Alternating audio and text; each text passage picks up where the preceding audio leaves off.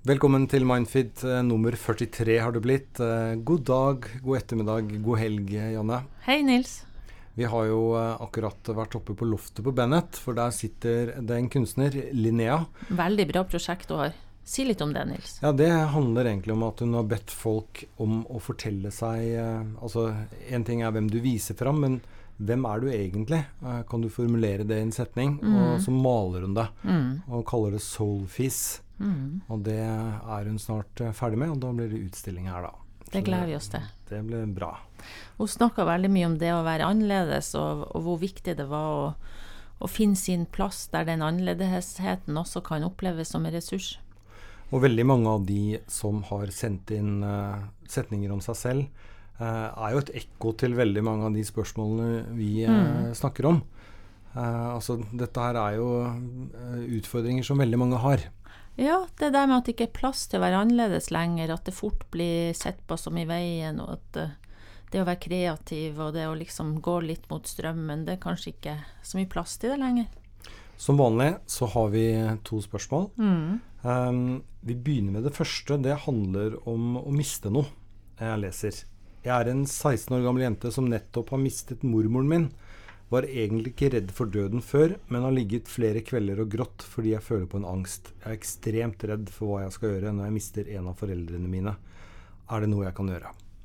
Ja, eh, jeg syns jo Jeg får jo liksom vondt av den 16-åringen, for jeg tenker det er nettopp det som er så godt med å være ungdom, da. At eh, på mange eh, måter så, så, kjennes du da mer eh, kanskje us, usårbar ut på mange vis. Så du er, du er i en fase av livet der, der, du bare lever og kjenner at uh, dette livet, det er herlig, og det tar kanskje ikke Du har ikke noen tanker rundt døden. Uh, og sånn er det jo dessverre ikke, fordi det er jo mange barn og ungdommer som som møter på det underveis, altså at døden blir en realitet, sånn som det har blitt for henne når mormora dør, ikke sant, så får en litt sånn i fleisen at oi, det kan jo faktisk skje, det kan jo faktisk skje at noen dør. Og det er klart at det er ganske tøft, og at det også kan føre til en angst. altså Det, det har jeg jo hørt fra mange før òg. Mm. Eh, og den kan jo bli veldig altoppslukende, det forstår jeg veldig godt. Eh, så, så, det er jo liksom spørsmål om hvordan du skal klare å få en sånn passe distanse til det der, da, fordi jeg tror ingen av Altså, det å være redd for døden, tror jeg Eller det i det hele tatt å snakke om døden, det er jo et sånt tema som vi skyr, mange av oss, ikke sant, som vi tenker at uh, Oi, uh, det vil jeg helst ikke tenke på. og så er det jo også sånn at det er jo ikke alle som tenker at det skjer noe mer etter døden heller enn at vi bare dør, dør sånn at det blir sånn det store intet. sånn at jeg tenker det, det, det er jo en sånn mangel òg i å ha samtaler rundt det her. Og akkurat nå, for henne, så tror jeg det er viktig å kunne ha noen å snakke med om det. Uh, fordi uh, jeg tenker den angsten, da, den, den, blir liksom vond å gå med helt alene. Mm.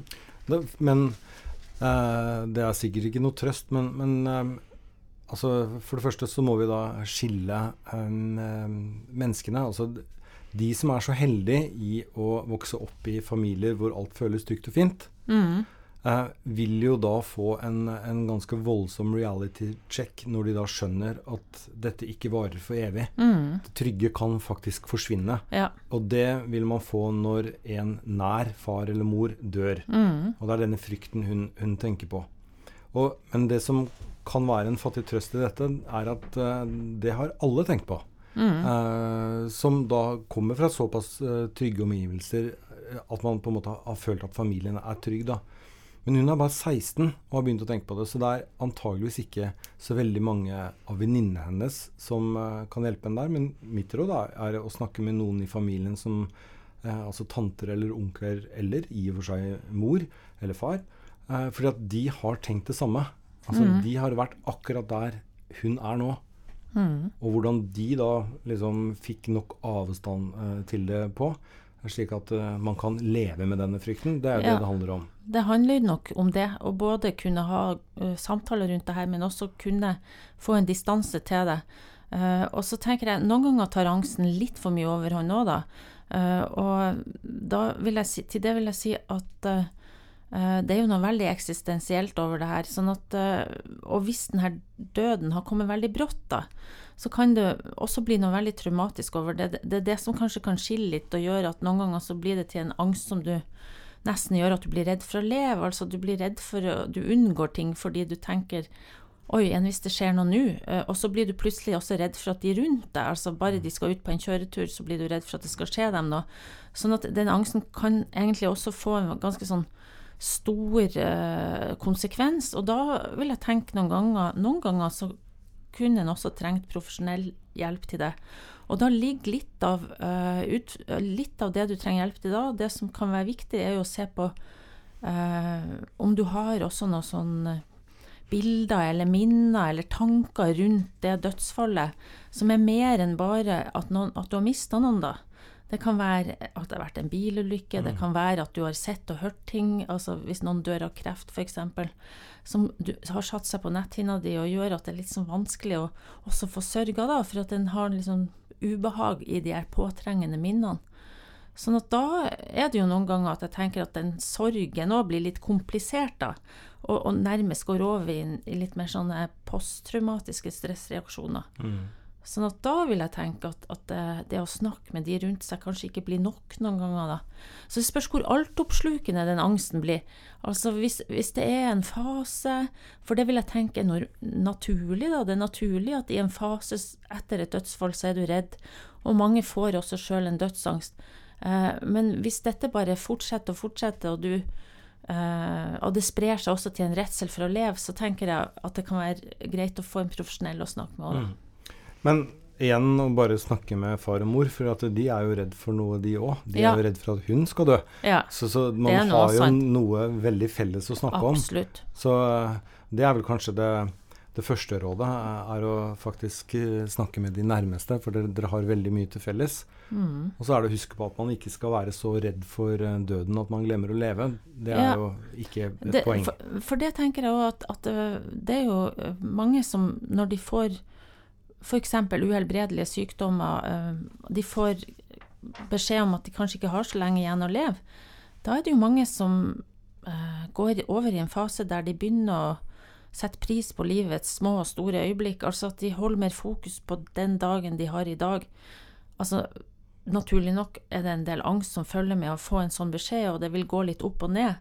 Men det å liksom kunne da klare å sette pris på de her øyeblikkene, det er et godt råd også til denne jenta på 16 år. Mm. At for å få Altså, snakk med noen om, om det her, tankene rundt døden, men samtidig eh, ikke glemme å leve. Prøve også å sette pris på de her øyeblikkene. og Prøv litt sånn bevisst noen ganger òg, og tenk at nå letter den der tanken om døden Eh, Sett den litt på pause, prøv å konsentrere meg om det jeg holder på med Eh, det kombinert med å ha noen gode samtaler rundt det, kan være nok.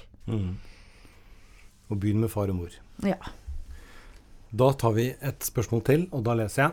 Hei, jeg er en kvinne i midten av 20-årene som har slitt psykisk i mange år. Jeg sliter fremdeles, men jeg føler at jeg håndterer det bedre enn hva jeg har gjort tidligere. Det at jeg har det vanskelig, gjør at jeg er redd for å slite ut vennene mine. For en del år siden fortalte foreldrene mine meg at jeg bruker opp menneskene rundt meg. Dette går mye inn på selvbildet mitt og gjør at jeg føler meg svært liten. Likevel vet jeg at det kan ligge noe i det. Jeg har en venninne som jeg snakker mye med. Vi deler erfaringer begge to, og snakker gjerne om dype og såre temaer. Jeg forsøker stort sett å smile og fremstå som glad, men hun ser gjennom masken min hver gang. Nå er jeg livredd for å miste henne. Jeg er redd for at hun ikke holder ut med meg lenger, og jeg vet ikke hvordan jeg skal håndtere det. Det at vi snakker så mye om det vonde, kan handle om at ingen av oss har hatt så mange å snakke om det tidligere med. Jeg har vært i psykiatrien i flere år og aldri følt at jeg kan stole på eh, de jeg har snakket med der. Nå har jeg en venn jeg stoler på, og det er henne. Har dere noen tips til hvordan jeg kan holde på henne, og hvordan jeg kan bli flinkere til å snakke om de vonde tingene? Til å ikke snakke om de vonde tingene. Til å ikke snakke om de vonde tingene, det var en uh, riktig presisering. Ja, det var det. Uh, men det er jo den balansen hun er ute etter, ikke sant? Uh, og det som hun peker på her, uh, som jeg tror kan skje hvis du har gått over mange år og slitt psykisk, det er jo at en kan få en redsel for å belaste de rundt seg, uh, og at det blir for mye for dem. Og i perioder så, så, så opplever en jo også at de rundt sier at nå Altså, er de slitne av det her, ikke sant? Uh, og så tenker jeg at for hun her så blir det nå viktig Det blir jo viktig å ikke havne i den andre grøfta igjen, der hun ikke skal snakke om det som plager henne, og tenke at hun bare skal sette opp en sånn maske uh, av at alt er greit. På meg virker det litt som å havne i det sporet at hun er så redd for å vise det fordi hun er redd for å belaste. Mm. Mens, ja, skulle du si noe, Nils? Ja, jeg bare tenker på altså, Et vennskap, det, det, handler jo også om en slags sånn jevnbyrdighet. Ja, eller, eller ja. bør gjøre det. Ja. At uh, det er litt sånn gi og ta. Så, så jeg liksom Det første jeg hadde tenkt på, uh, hvis jeg var henne, da, innsenderen, er hva er det hun føler at hun bringer inn mm. til uh, venninnen? Mm.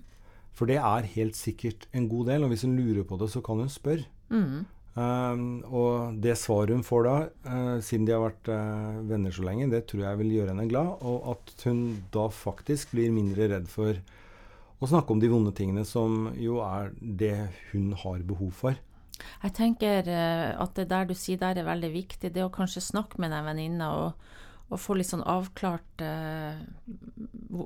Kanskje også si sånn rett ut at hun er redd for å, å belaste òg, ikke sant. At og, og, kanskje si noe om at hvis, hvis, du opplever det sånn, så kan du si fra til meg, sånn at du ikke skal være så redd for det. fordi hvis du har en god venn, så vil jo den vennen også kanskje si fra. Du, akkurat nå kan vi ta pause fra det temaet, eh, men det betyr ikke at du ikke kan snakke om det igjen. altså det, det, det, det, er noe med balansen her. fordi eh, Hvis to stykker som sliter som er venner, bytter litt på å gi og ta, så vil jo begge føle at de får noe mm. ut av det. Og så samtidig så, så, er det jo sånn at eh, det kan jo være andre ting de kan gjøre i fellesskap òg, som ikke handler om å snakke om de tingene her. Så, så, det må gå an i et sånn type vennskap å ha noen, ha, ha noen sånn samtaler rundt, eller kunne si fra litt til hverandre at jo da, men akkurat nå uh, er jeg litt sånn lei av det. Akkurat, akkurat nå har jeg ikke så lyst til å snakke om det. Eh, kanskje en annen dag.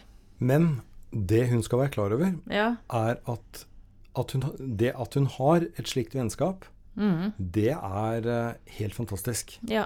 Uh, altså at hun har en venninne som hun kan snakke fortrolig med mm. om de vanskelige tingene. Mm. For det er det ikke mange som har. Alle har jo ikke det. Fordi nå bare husket jeg på en uh, undersøkelse fra Malvik eh, som handlet om hva som gjør oss friske. Ja.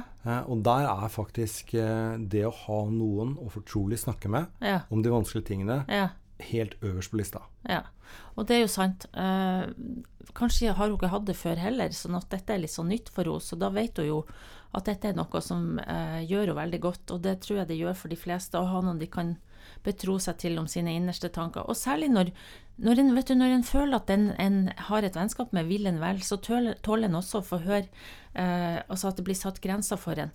Sånn at jeg mm. tenker det går an uh, å få til å prate om det her med vennen. Jeg vil tenke at Hvis hun åpner litt opp nå for å fortelle det hun har skrevet inn til oss, så kanskje de kan få en god samtale rundt litt mer sånn kjøreregler på det her, da. Eller hun kan faktisk spille av det vi svarer nå. Ja, det kan hun også gjøre. Og, ja. og man kunne f.eks. sagt noe sånt som at uh, det betyr veldig mye for meg at uh, jeg kan snakke fortrolig med deg, ja. og, uh, men jeg er redd for at jeg, det blir bare tristessen min, og, ja. og at du opplever at du er en sånn negativ søppelbøtte for ja, meg. ja. Jeg er opptatt av at jeg må gi deg noe tilbake.